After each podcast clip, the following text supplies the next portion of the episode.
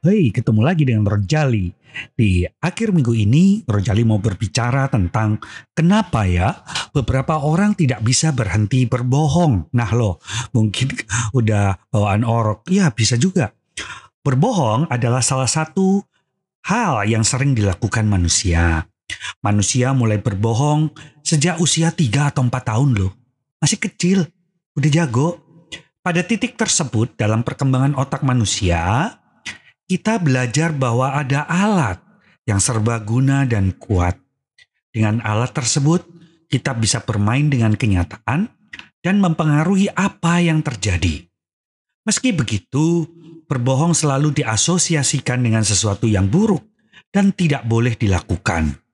Namun, berbohong juga menimbulkan sensasi tersendiri yang membuat beberapa orang terus-menerus melakukannya, fetis terhadap kebohongan. Kondisi orang yang terus-menerus berbohong disebut dengan penyakit kebohongan.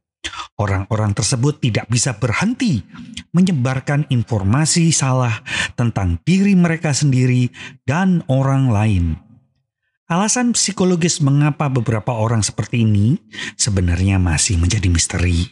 Gue juga masih bingung kenapa doyan. Namun, dalam edisi ketiga buku Diagnostic and Statistical Manual of Mental Disorder, nah lo disebut mental disorder deh. Penyakit kebohongan ini merupakan gangguan kepribadian, seperti juga psikopati dan narsisisme.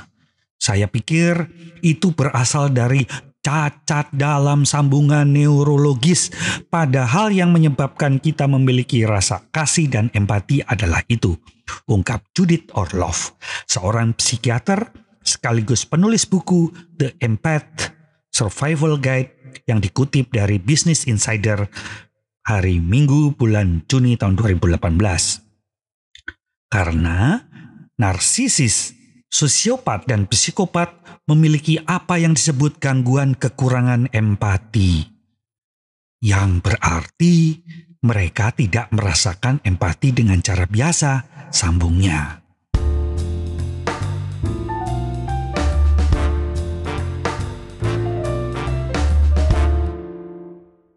Bukan masalah besar Ketika Anda tidak peduli dengan orang lain, kebohongan bukan menjadi masalah besar. Itu karena kurangnya empati, yang merupakan kurangnya hati nurani. Mampus loh. Ketika mereka berbohong, hal itu tidak menyakiti mereka dengan cara yang sama dengan kita, ujar Orlov. Begitu banyak orang yang menjalin hubungan dengan pembohong patologis atau tidak mengerti mengapa mereka harus berbohong karena mencoba menyesuaikan dengan orang lain dalam standar yang disebut empati. Sambungnya. Sayangnya, para pembohong patologis ini tidak bisa menyesuaikan diri. Mereka mungkin tidak menyadari sedang melakukan kebohongan. Aduh, mati, Mak kekuasaan.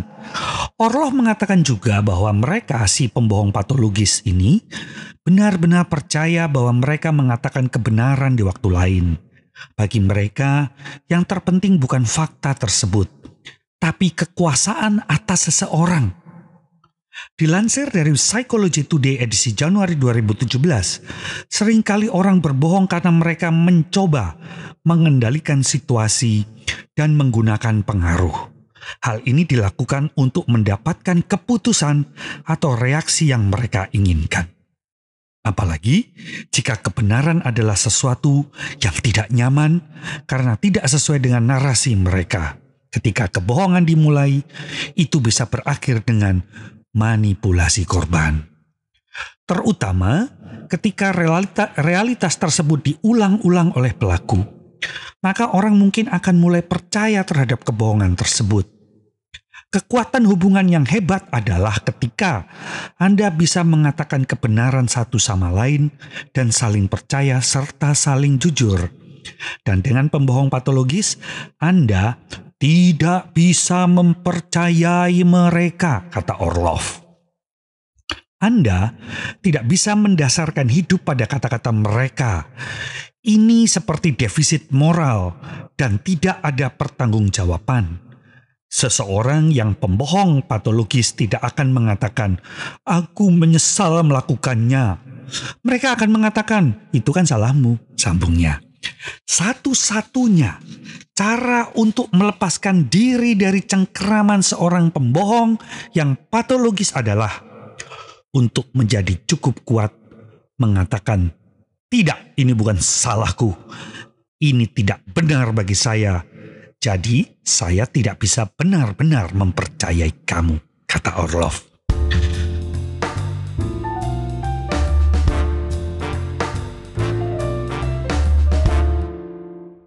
Membuat alasan.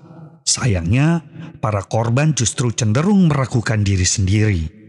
Ini mungkin terjadi karena kebohongan yang dilakukan pembohong patologis meningkat tanpa disadari. Dengan kata lain, ketika satu kebohongan kecil dimulai kebohongan-kebohongan lain muncul untuk menutupinya. Jika seseorang berbohong, jangan mencoba dan membuatan alasan tentang itu, kata Orlov. Sebuah kebohongan adalah kebohongan.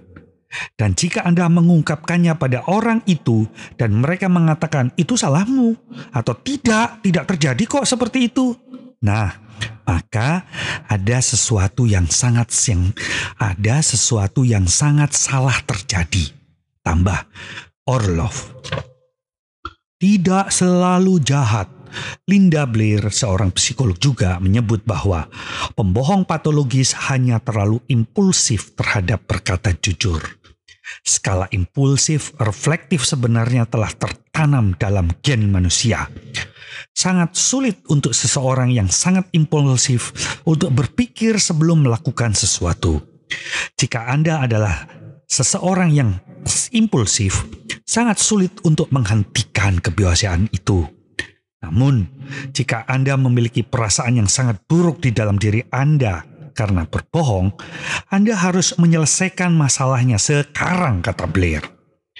Jadi ketika sampai di kepalamu, kau hanya mengatakan, itu tidak berarti kau seorang pembohong, tapi sedikit lebih sulit bagimu untuk berhenti berbohong. Lebih dari itu, untuk seseorang yang lebih reflektif, mungkin akan menolak sebuah kebohongan. Jadi yang sangat impulsif tadi, yang impulsif reflektif itu lebih mudah mengatakan kebohongan karena filternya udah koplak